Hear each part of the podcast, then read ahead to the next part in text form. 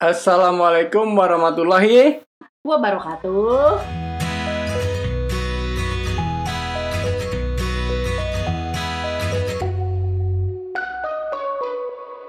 Kita ketemu lagi. Ini sudah maghrib. Tumben ini kita. Kita rekaman biasanya pagi, tapi ini kita maghrib rekaman. Kembali lagi di Siniar Abun. Siniar itu podcast, Abun itu ayah dan bunda. Kemarin kita ini ya bunda eh, mengisi liburan lumayan bervariasi ya. Tuh.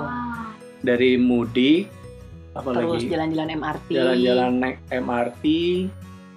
Terus terakhir kemarin eh, kita melakukan aktivitas outdoor yaitu camping. Ini untuk pertama kalinya buat Bunda ya. Enggak dong, udah-udah dong SMP. ya tapi kan udah pernah, maksudnya inilah pertama kalinya. Iya iya iya iya iya. Pertama kali, eh enggak deh, Bunda kuliah apa SMA sih? SMA, pas Bunda lagi teater, ikut teater. Oh. Ada camping yang ditakut-takutin itu loh, malam-malam ada jurik malam. Itu seru Oh, loh. gitu. Itu, jadi jangan bilang pertama Iya. kali buat Bunda. Ayah waktu kuliah, waktu pernah waktu naik gunung itu sempat camping tuh kuliah.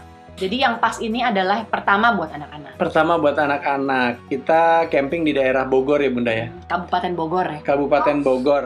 Eh, nama tempat campingnya itu di area Curug Seribu. Itu campingnya emang ada emang ground camping ya. Hmm, ground emang camping. khusus khusus camping. Jadi sekalian di dekat situ juga ada curugnya juga. Jadi kalau dari Bogor, nih kita cerita ya, dari Jakarta ke Bogor kan sejam. Hmm. Dari Jakarta ke Bogor itu satu jam. Dari Bogor ke lokasinya eh, itu kurang lebih Pamijahan di daerah kaki Gunung Bunder itu satu jam juga. Jadi dua jam lah dari Jakarta. Ya, Itu dengan syarat kita berangkat pagi buta. ya. Karena begitu siang dikit di Bogornya yang Tuh, bikin macet. Bogornya. Kita udah membuktikan ketika pulang itu kita perjalanan yang berangkat itu cuma dua jam, pulangnya bisa mungkin di Bogornya sendiri itu eh, tiga jaman ya bunda ya. Macetnya padet banget itu di Bogor kalau udah siang dikit. Di kaki Gunung Bunder, di sana tuh banyak banget wisata air ya bunda. Ya.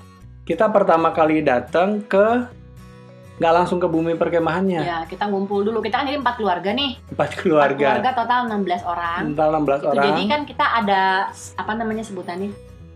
Tempat ketemuan dulu apa sih sebutannya? Oh, meeting point. ya, meeting Jadi point dari dulu Bogor itu kita meeting point di Dramaga. Pakuan di Pakuan Darmaga itu di rumah Pak D-nya anak-anak kakak kita. Jadi kita dari rumah tuh jam 4 pagi banget. Terus eh, nyampe rumah Pak D-nya anak-anak itu eh, jam 5 ya. Jam 5 pas subuh di sana kita sholat, terus juga sarapan sambil nunggu keluarga yang lain datang. Nah begitu Total, total datang, kita berangkat setengah tujuh. total kita berangkat setengah tujuh itu setelah keluarga yang lain Iya, ngumpul. udah lengkap. Udah lengkap. Nah itu totalnya jadi satu jaman lah ya. Mm-mm, dan kita berangkat jam setengah tujuh berarti nyampe sana sekitar jam setengah delapan jam delapan lah ya Jadi karena berhenti jalannya berhenti Jalannya meliuk-liuk sih menurut bunda. iya karena nanjak kecil kan ya, kecil juga nggak sih? Bisa Ada- dua mobil sih, tapi bisa agak ya bisa simpangan sih cuman eh meliuk-liuk itu. ya karena kalau nanjak kan kalau lurus bakal Ya. tajam jadi dibelok-belokin dan lewat pedesaan ya bunda ya tempatnya sih sejuk enak Tempatnya sejuk, enak begitu. Tapi begitu kita nyampe belum berasa. Iya Pas kita buka jendela, nggak dingin ya. Emangnya Bogor sekarang nih gitu. Iya. Eh, jadi istilahnya kita naik dia naik ke atas. Nah di atas tuh banyak banget eh, curug. Salah satu yang kita sekarang pertama itu namanya curug Pertama Kondang. kali kita pertama ke Curug Kondang dulu. Ini kayak Curug pemanasan Kondang. nih. Iya pemanasan. untuk curug berikutnya. Iya curug kondang itu air terjun. Cuman kita ngeliat doang tuh yang pertama tuh. Mm-mm. Iya kan di bawah itu kita cuma ngeliat yang oh kayak begini agak ke bawah gitu kan. Iya. Jadi kita di atas terus curug kondangnya ke bawah terus kita bisa lah ke airnya cuman nggak bisa terlalu main air. Iya. Habis itu Karena turunnya juga agak susah ya, agak itu loh, agak berlembah gitu kan. yang curug kondang nggak begitu kan? Yang Eh, pertama kali yang iya. gitu loh, yang pertama kali banget. yang kita makan bakmi bukan? Bukan, Yang sebelumnya. pertama, oh iya. Nah, Itu tapi lumayan landai dibanding Ya. yang berikutnya. Nah, berikutnya kita naik lagi ke atas namanya apa namanya? Balong Endah. Hmm. Balong Endah. Oh iya perlu diketahui. Jadi pertama kita masuk bayar Bayar sepuluh ribu. sepuluh ribu Itu tuh yang tadi Kondang. untuk eh, pertama naik da, da- pakai mobil itu yang kita berhenti oh dulu iya di gerbang utama sepuluh ribu. sepuluh ribu. Oke. Udah Begitu gitu nyampe nyampe, Curug Kondang, Curug Kondang bayar sepuluh ribu 10.000. lagi. Pokoknya setiap curug sepuluh ribu aja. Mau naik lagi ke Balong Indah. Naik balong 10.000 indah lagi. bayar sepuluh ribu lagi. Nah dari Jadi siapkan kalau Heeh. emang ada yang berniat eh, mau camping, eh mau ke curug ini gitu ya, Heeh, siapkan uang-uang 10.000. segitu lah sepuluh ribuan lah. Nah, di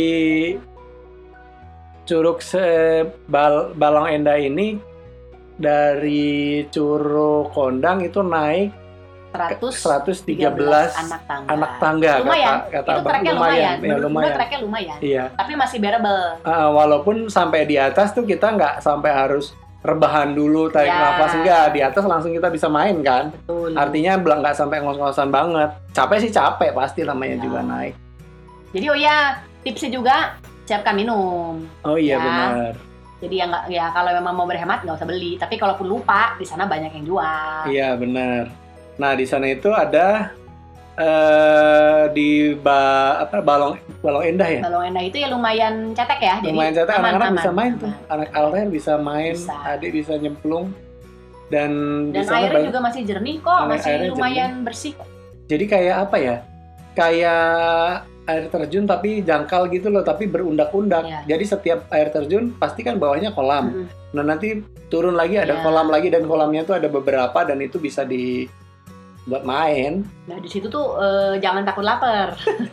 karena banyak mbok-mbok jualan pop mie sama Pokoknya lontong sama gorengan, gorengan nasi uduk bahkan. nasi uduk Nah, ada yang jual Jadi kalau yang nggak sarapan silakan. jadi bisa dibayangkan lah tidak terlalu apa istilahnya ya Tidak terlalu menantang Oh, ya. jadi untuk yang balong indah sama curug kondang ini bisa dijangkau dengan mudah lah terbukti di situ ada mbok-mbok juara nasi uduk Ya. jadi ya bisa terbayang di situ tuh eh, bisa lebih santai. Nah habis itu kita di situ cuman kurang lebih sejam lah sejam dua jam. Habis itu kita naik mobil sedikit lah, Untuk ke ground campingnya. kurang lebih 500 meter, kurang lebih 15 menit lah untuk ke ground camping. Nah ground camping itu eh, kalau dilihat sekilas kayak lapangan bola ya bunda ya, kayak lapangan, Lapangan bola tapi berundak-undak. eh, eh, luas Ya gitu. pokoknya rumput gitu ya. berundak-undak dikelilingi oleh hutan, dikelilingi oleh pohon-pohon liar lah. Jadi bukan perkebunan. Itu kita nyampe kurang lebih jam 12 jam satuan jadi panas. jadi mah Bunda masih mikir gini, ini ini gimana? Gitu nanti nanti gimana nih kalau gerah begini tidurnya gimana? Masih mikirnya begitu nih. Kita Iya, masih begitu begitu nyampe kita emang jam panas satu terus dan kita harus eh, harus bikin tenda kan? Iya, kita bikin, bikin tenda, tenda, dulu, jangan kita ini jangan tanya keringet ya keringetan. Kita semua. Kita bikin tenda. Nah, tendanya ini kita nyewa, kita nyewa. Kemarin waktu kita posting di sosial media ada yang nanya, tendanya ada yang nyediain nggak? Kita nggak tahu ya. Di Nggak. sana ada yang nyediain apa Iya, nggak? Karena kita sudah bawa sendiri nyewanya dari Bogor. Dari Bogor tuh kita udah bawa tenda 5 untuk empat keluarga karena kita eh, mengalokasikan tadinya lima keluarga. Kalau misalnya ada yang satu Iya, ikut betul. dadakan, jadi bisa ada satu lagi. Satu tenda satu keluarga. Ternyata yang datang cuma empat keluarga dan itu pas sebenarnya.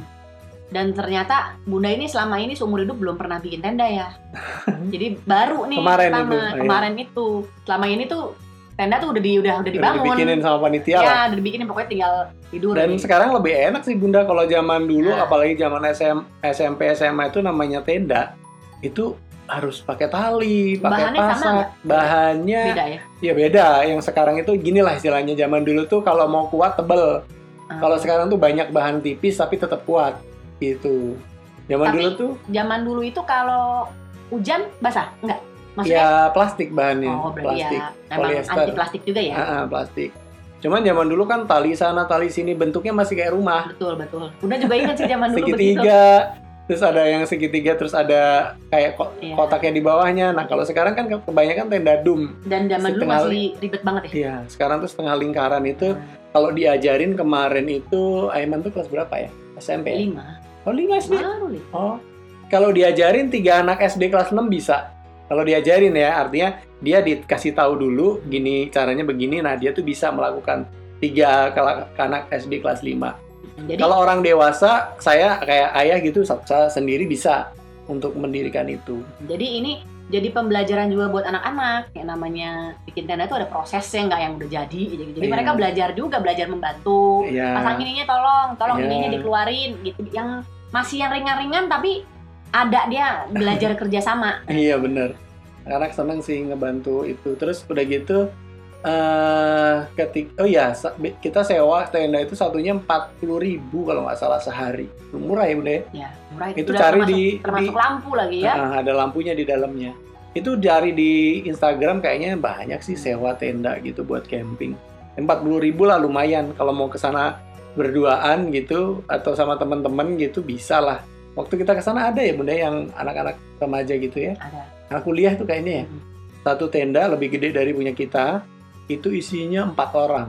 yang sebelah kita yang Yang dua anak muda. dua Anak muda. Bukan, bukan yang tentara. oh bukan lah kayak gitu Yang yang katanya muda. yang udah pada punya istri oh yang nggak tahu ceritanya ya Nggak tahu. itu udah pada punya istri Oh gitu? Tapi lagi pada masih muda. ya, jadi mereka lagi pada eh, sohib gitu loh Oh. Jadi, si ini ngomongin tetangga tenda kita nih. Haidar Jadi- me- mencuri dengar jadi Dia begitu kita- masing-masing Begitu kita tenda selesai, tahu-tahu ada satu rombongan, satu tenda ya bunda. Satu tenda kan itu. satu tenda Satu Ini tenda. agak besar ya Ah, padahal mereka banyak loh empat. mungkin mungkin mereka tidurnya ada di luar kali ya Empat orang itu, tapi tendanya kan lebih besar, lebih besar dan memanjang gitu, ada Ya, terasnya gitu. ya. Kayak ayah kan akhirnya tidur di teras itu malam-malam. Nah itu empat orang. Tenda kita tuh sebenarnya kalau misalnya diisi orang dewasa itu bisa muat empat orang, tapi dengan syarat nggak ada bahan bar tas-tas ditaruh di teras, teras tenda. Hmm. Dan nggak ada barang lain di dalam dan tidurnya memang benar-benar sejajar gitu, nggak bisa guling-gulingan. Kalau memang mau agak leluasa ya berdua.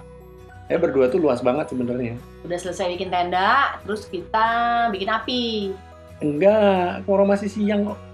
Selesai bikin Udah tenda kan jam satu. masak Oh iya bener. kita Baik. bikin api Iya. karena bikin api itu ternyata Lama. pertama kali susah ternyata ya Iya iya iya iya. Gitu. Kita nyampe sana tuh Si siang. briketnya itu tuh susah menjadiin arang tuh usaha banget bikin api muncul aja susah untuk membuat jadi arang itu memang bener-bener usaha dan itu bareng-bareng gitu loh Iya. bareng-bareng kan harus dikipas apa itu ganti-gantian anak-anak juga bantuin mau dong ngipasin kayak gitu-gitu lah ya jadi belajar dari situ Bunda sih seneng Bunda sih seneng Iya. jadi anak-anak belajar banyak apa adanya gitu loh jadi yang nggak yang mewah gitu loh Iya. Yang ayah inget tuh sebenarnya begitu tenda udah selesai kan pengen rebahan ya. Hmm. Tapi apa yang terjadi? Panas, Iya, gerah. begitu tenda udah jadi, Bunda kan masuk kan, udah banyak laler. Iya, Bunda banyak juga nggak ngerti kenapa banyak laler. Padahal bersih kok sekitar kita. Nah, Begitu eh, begitu masuk, astagfirullah panas banget. Ah, Panas panas banget. pengep, bener-bener Iya. nggak ada udara. dan itu bikin Dan kita namanya bahan-bahan itu kan parasut tahan ya, parasut ya. panas gitu bilang. Iya. Ini gimana nanti malam? Ah nggak tahu lah gimana tidurnya anak-anak gimana, Bunda gimana. Sempat banyak was-was. nyamuk. Iya, karena begitu. panas banget. Ternyata setelah malam lumayan lah ya. Iya, setelah malam dingin banget, justru Iya jadi enggak? di luar dugaan gitu. Iya, jadi anak-anak juga nyaman setelah malam. Nah, siang itu kita nyalain api bener juga sih ternyata bikinnya lama. Kalau kita mulai sore mungkin malam belum dapet api kan. Iya. Siang itu kita pakai untuk bikin api eh, untuk masak karena kita lapar kan dari pagi belum makan Iya. kan. Eh baru sarapan doang, belum makan Ya, siang. belum makan siang. Nah, kita kebagian tugas kebetulan bawa kompor gas portable. Ya, itu ngebantu banget, itu bantu banget dan eh, tips lah gitu satu tips bawa lah Bawa pakai nggak kepake bawa aja Iya, karena apa? Karena kita ke sana itu bukan untuk apa ya, ospek. ya Kita ke sana kan buat rekreasi, buat buat, pesir piknik, ya piknik lah buat piknik. Jadi ya eh, nggak nggak harus bersusah payah bersusah payah kalau emang bisa. jangan lagian kalaupun susah-susah masak jangan khawatir di bawah ada warung di bawah ada warung. Walaupun ya namanya warung zaman Warung sekarang nggak tahu ya agak agak kecewa sebenarnya sih itu sih. Eh, kecewa bukan kita mengharapkan kan orang di daerah situ kita menjual makanan khas daerah situ atau gimana lah. Nah, itu kan. minimal jahenya itu ya minuman jahe itu terbuat dari Nah, jahe gitu ya. ini mah bener-bener kemasan kemasan saset, semua saset. saset semua makanannya instan minumannya instan jadi ya agak jadi ya menurut Bunda tahu begitu kita bawa dari rumah aja lebih iya, hemat lebih hemat bawa kalau sasetan misalnya dari kita rumah tahu mereka jualnya saset mendingan kita dari rumah Bawa- aja iya. bawa sendiri lebih hemat juga lebih bisa milih lagi yang mana yang mau dibikin kan Mm-mm. termasuk makanannya kan masuk makanan Heeh. Nah, kita dari bawah itu cuman bawa makanan itu roti sama sosis, sosis sama ikan. sama ikan mentah, gurame mentah. Gak bawa garam. Entah lupa atau gimana.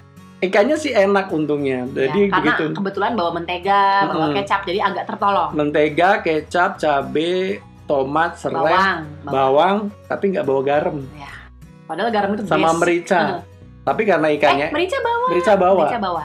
Jadi garam yang nggak bawa. Kenapa jadi garam yang nggak bawa? Minimal royco gitu ya enggak, Iya, nggak bawa ada. juga lupa, lupa. Lupa. Nah, itu tapi jadi jadi jadi pelajaran buat Uh-uh. kita kalau next gitu kalau kita mau lagi mau camping lagi sudah tahu gitu lah. iya, wong apa? Tapi, tapi untung ikannya enak sih. Ya. Jadi nggak apa-apa nggak bawa garam.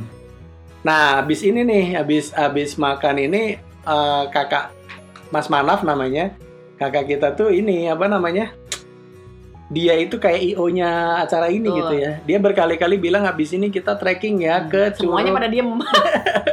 Mereka kayak kita tuh udah merasa kita udah cukup trekking tadi kan udah Jadi ke kan udah kondang ke ya. Curug Kondang sama Kondang. balai Bo, balong, Balong. balong endah. balong endah kan udah. Udah gitu. kita udah gitu. Tapi eh, Mas Manaf itu sama keluarganya tuh ayo ke sana Ah, lagi lebih enak, Mereka lebih bilang ini lebih lebih bagus. lebih oke, lebih bagus gitu. Oke, tapi memang dia bilang ini memakan waktu satu jam. Ah, berarti Jadi kita kebayang dong. mikirnya kita kebayangnya cuma jauh, Jauh. bukan kebayang treknya itu parah apa Eh, gimana. eh, dan kita kita kebayangnya treknya ya kayak tadi. kayak yang tadi cuman jauh gitu. Ya. Ternyata oke deh kita jalan, tapi kita baru jalan jam 4. Nah, ketika Nah. kita jalan itu ternyata treknya ya Allah. Bentar dulu, kita jalan jam 4 itu sebenarnya Nggak boleh. nggak boleh. Eh, Nah, Bukan nggak boleh. nggak boleh. Kita Kalau tuh paling telat tuh jam setengah lima Iya, sama. perkemahan. Itu sebenarnya eh, kita agak ini juga ya, agak gambling ya. Tapi karena Mas Manaf meyakinkan, nggak apa-apa. Karena dia udah pernah kan, udah Ah, pengalaman, udah kita pengalaman, pede. kita pede. Kecuali kalau kita baru, Ah, ah. mungkin nggak masih Dan masih kita membayangkan di sana sama kayak curug sebelumnya, di sana ada tukang dagang, ada apa, Iya. ada musola. ada musola karena kita ada belum sholat. belum sholat, ada tempat mandi anak-anak bisa cebur. Ternyata tempatnya itu kayak di film Tarsan. Coba aja googling ya Googling kawan-kawan. eh, Curug Seribu namanya. Seribu, kenapa ya seribu? Nggak tahu Seribu tuh ya mungkin karena banyak kan. Jadi di antara curug-curug kan Oh, curug-curug oke. banyak kan. Yang kita nggak datang tuh curug kembar, curug apa lagi? Curug ngumpet, curug apa itu kan banyak. Nah, ini yang paling gede kayaknya. Paling tinggi tingginya tuh 70 sampai 80 meter kalau lihat Google itu. Jadi emang tinggi dan yang paling keren itu memang berada di tengah lembah yang yang dalam banget. Hmm. Orang kita curam banget ternyata kan Hmm. eh kalau tadi di di Balong Endah itu untuk membayangkan ya kalau di Balong Endah tuh stepnya itu satu step itu sekitar 15 cm kalau di sini ini hampir satu meter lima 50 cm lah setengah meter Hmm. Jadi Nah, kita kalau- harus sampai jongkok-jongkok kalau Hmm. jalan Kalau kita yang namanya. orang dewasanya mah nggak masalah, kita masih bisa bertahan. ketika kita ke sana bawa angkat ceritanya jadi lain jadi karena kita harus gendong dia terpaksa Nah, ini dia enam tahun jadi eh, kakinya aja belum nyampe buat fisiknya belum fi- Fisik. fisik bukan fisik bukan fisik ya kekuatannya kali ya Staminanya kekuatannya. Stamina- belum. staminanya dia belum terlalu kekuatan kuat. dan tapi yang penting yang pasti kakinya juga belum nyampe kalau kita kalau ada apa turunan yang tinggi kan kita bisa jongkok. Terus kakinya turun baru kita Hmm. jalan. Nah dia jongkok aja kakinya nggak nyampe.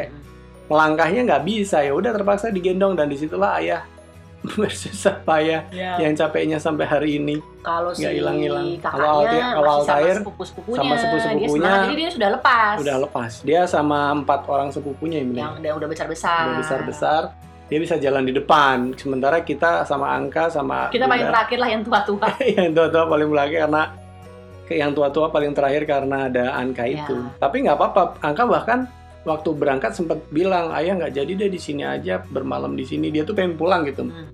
Ya udah, ayo kita pulang. Tapi aku pengen Main main air. air sama Mas Al gitu ya udah. jadi dia tuh ada goalsnya alhamdulillahnya ya karena Hmm. dia main sama kakaknya mas sepupunya yang kurang lebih lebih lebih besar lah daripada dia dia tuh pengen juga sebenarnya nyampe sana cuman capek gimana Iya. gitu.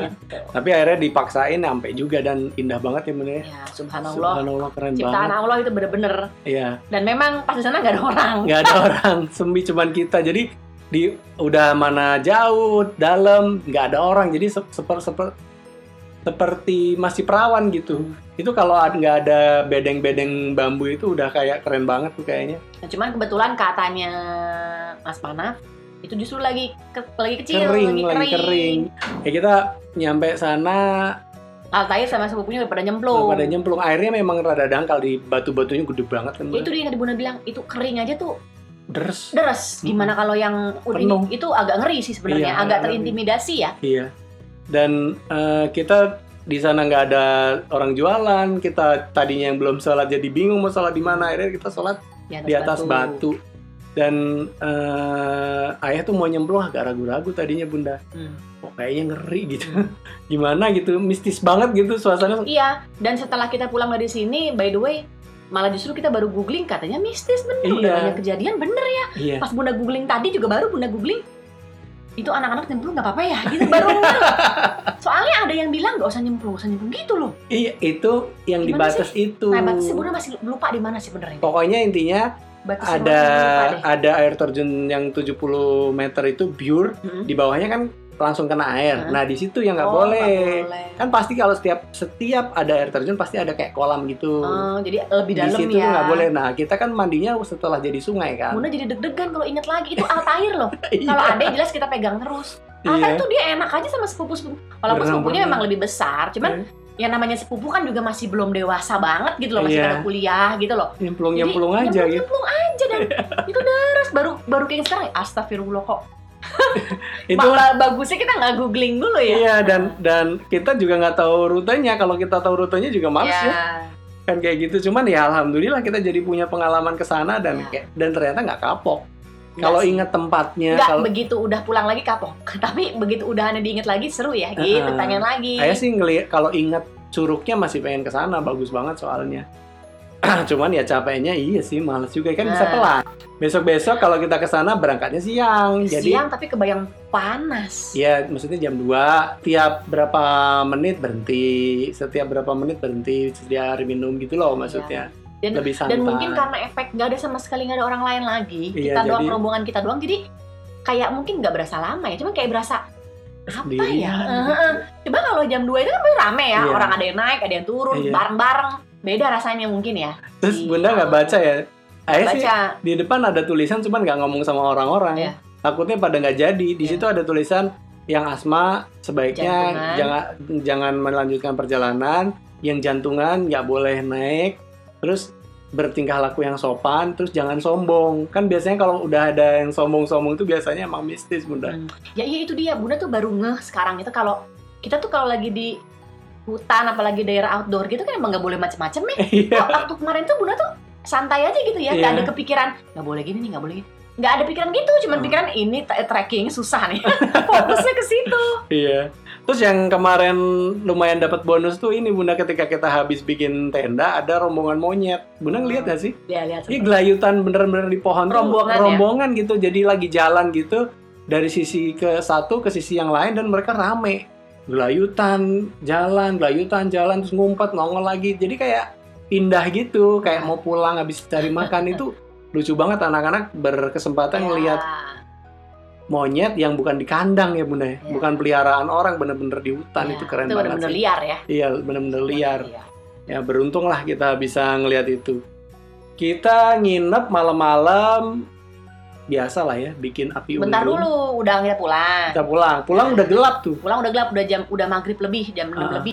Udah gelap, udah gelap kita bawa senter. Bawa senter Itu kayak rasanya lega banget, alhamdulillah ya Allah. Sampai juga kayak yang ini nggak nyampe-nyampe ini, nggak nyampe ini, gitu-gitu udah. Dan memang jadi kepikiran bener pantesan dilarang gitu ya, Iya, karena jalan macem-macem. gelap itu bahaya juga. Iya. Karena jalannya treknya itu kan menantang banget. awal trek jadi gini setengah trek masih ada batu yang tersusun Hmm. artinya itu malah ada konblok segala kan awal-awal itu kan. Begitu separuh terakhir itu bener-bener ya batu sih ada cuman batunya bukan batu yang disusun manusia kayaknya. Maksudnya di batu alam gitu. Jadi bahaya memang kalau gelap gulita. Kalau dipikirin lagi gile juga ya bawa-bawa anak lagi. bawa anak. Yang ribet bawa anak Ya, itu sebenarnya. Pengalaman juga buat anak-anak gitu loh, yang Eh, namanya udah mana- mereka melihat ciptaan Allah yang subhanallah indahnya gitu. udah mana di sana nggak ada sinyal. Enggak ya, ya nggak memang nggak ada sinyal. Kan kalau Nah ya misalnya itu makanya kemalaman dari itu gimana? bahaya, bener. Iya. Kata penjaga tuh, hati-hati ya, hati-hati loh, digitu-gituin. Bunda eh. sih santai karena Bunda pikir ya trekkingnya paling kayak tadi, gitu. Iya. Ternyata tidak begitu. Jadi pengalaman lah pengalaman tapi tidak tidak tidak tidak jadi kapok tidak, tidak sih. jadi jerak. Nah, Nah, di sana malam kita itu gak ada sinyal tuh lumayan membantu ya. Anak-anak tuh ada aja yang dikerjain. Ya. Ada yang manggi- ngambilin daun-daun kering buat itu apa? Bikin api. Terus kita malam-malam sempet karaokean karena ayah kebetulan bawa speaker bluetooth dan ada gitar. ya Standar lah kalau di hutan itu. Speaker bluetooth membantu banget buat bikin suasana. Dan malamnya kita bikin api unggun. bentar bunda tuh begitu sampai udah ada nasi goreng sama mie goreng kan katanya kan. itu nggak nafsu saking udah capek banget asli itu. Dan untungnya oh tipsnya bawa minum jelas. Dan Mm. namanya trekking itu kita harus bawa minum ya. Mm. itu minum nge- ngebantu banget kita Bantu ya jadi banget. rada kuat gitu rada Ah. aduh kering banget tenggorokannya begitu. Sampai "Eh, udah ada nasi goreng nih yang Nggak yang yang pengen. yang pada nggak ikut trek bilang gitu. Ada nasi goreng nih ada mie goreng. Ayo dimakan ayo dimakan. Nggak nafsu. Nah, saya pengen goleran Dan ternyata ketika malam dingin ya bunda ya. dingin banget Dingin ternyata banget. dan dinginnya dingin banget dikit iya, Jadi tidur Iya. tuh bisa lebih dingin nyenyak. banget dan tidak ada nyamuk Iya. jadi itu udah ideal banget Oh iya tuh bener. Soalnya banyak yang, Hmm. aduh nyamuk banyak Ya. nggak ada nyamuk. Nggak ada, Iya. di luar Padahal- tenda nggak ada nyamuk. Padahal kita dikelilingin pohon-pohon. Bunda Iya. udah udah udah Bunda udah siapin udah siapin lotion Autan. anti nyamuk Heeh, jelas. sama jaket pengaman panjang segala macam. Ya, tapi ternyata alhamdulillah nggak ada. Tidak ada nyamuk, tidak ada tidak di- tidak panas, artinya dingin. Jadi tidurnya lumayan nyenyak. Cuman eh, Altair sempat masuk angin, ada juga sempat sakit perut ya Iya. mungkin karena baju basah ya kan kita keluar masuk air dan sampai baju sampai kering jadi nggak sempat ganti baju itu bikin masuk angin malam Ah. kita tidur ayah aja yang tadinya mau tidur di luar ngelihat matahari ngelihat apa bintang-bintang nggak jadi Pengen sok romantis. karena Kagak bawahnya kuat cuy. bawahnya dingin dingin banget Bawahnya. Yang mau kita kasih adalah tips. Nah, Tips, tips, nah. membawa anak, membawa anak membawa anak camping, Camping pertama itu- kali lagi. membawa camping tuh ternyata membawa manfaat lah buat anak-anak pengalaman pertama ber eh, kegiatan outdoor Ya. yang perlu dipersiapkan udah pasti baju ganti Baju ganti agak bawa banyak lebih. bawa banyak mendingan yang lebih daripada Ya, kurang betul. baju buat karena Karena itu em, ada yang basah bunda jemur nggak kering. nggak kering Jadi mas Kita- bawa mendingan kita bawa bikin jemuran nggak kering terus yang kedua ya Bawa cemilan kesukaan. bawa cemilan kesukaan untuk membunuh kebosanan walaupun dia nggak bosan juga. Ya. cuman lumayan lah. Kalau kita makanan kesukaan kalau kita pergi tuh pop mie.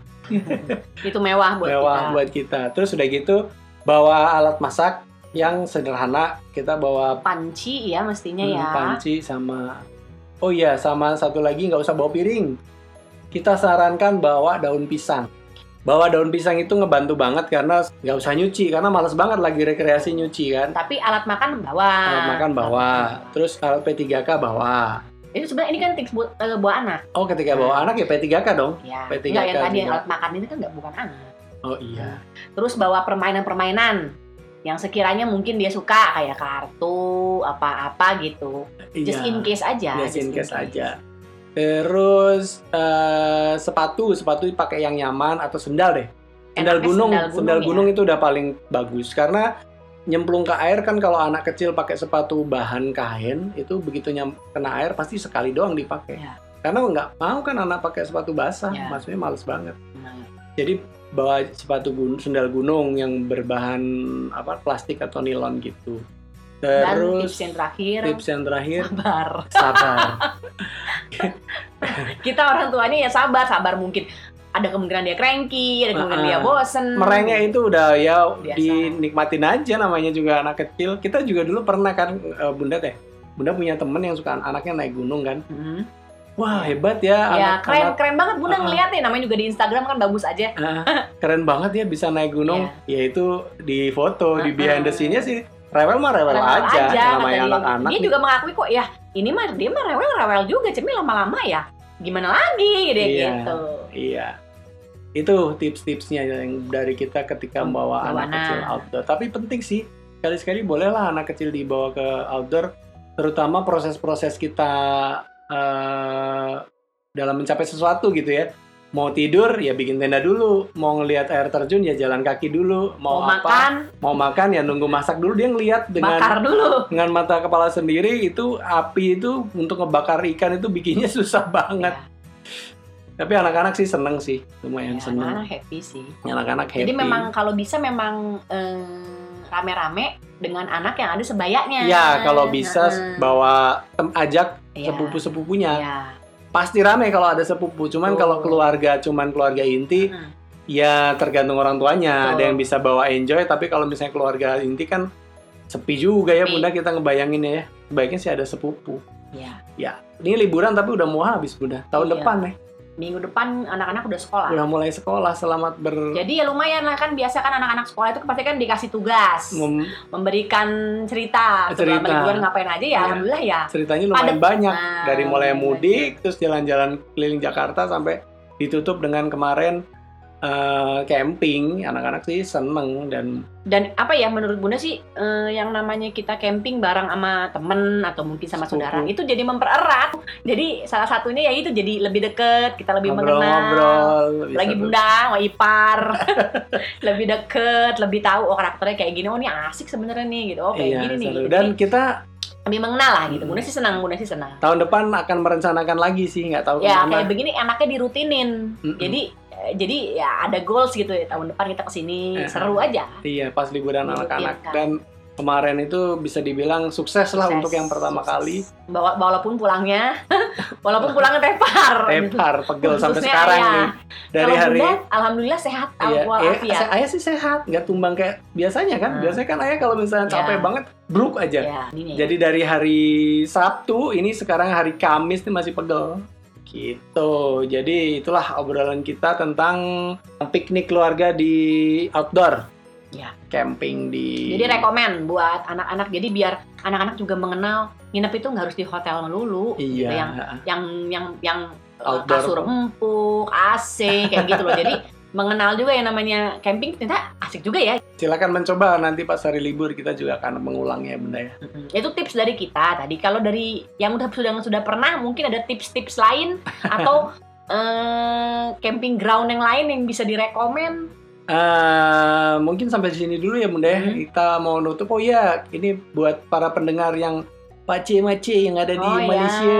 Makasih loh udah dengerin dari Malaysia, dari Singapura. Dari Malaysia, dari Singapura kita lihat di internet itu eh, statistiknya bahwa yang dengerin kita itu 25% lah ada yang dari Singapura dan Malaysia. Ya. Terima kasih sudah mendengarkan Terima kasih. kami Nanti kita ke sana ya. ke sana. Terus komen-komennya juga ditunggu di Instagram Siniar Abun, email siniarabun@gmail.com dan ada Twitter juga Siniar Abun. Sampai ketemu ya di episode selanjutnya kita ngomongin apa lihat aja Eh kita tuh setiap hari apa ya?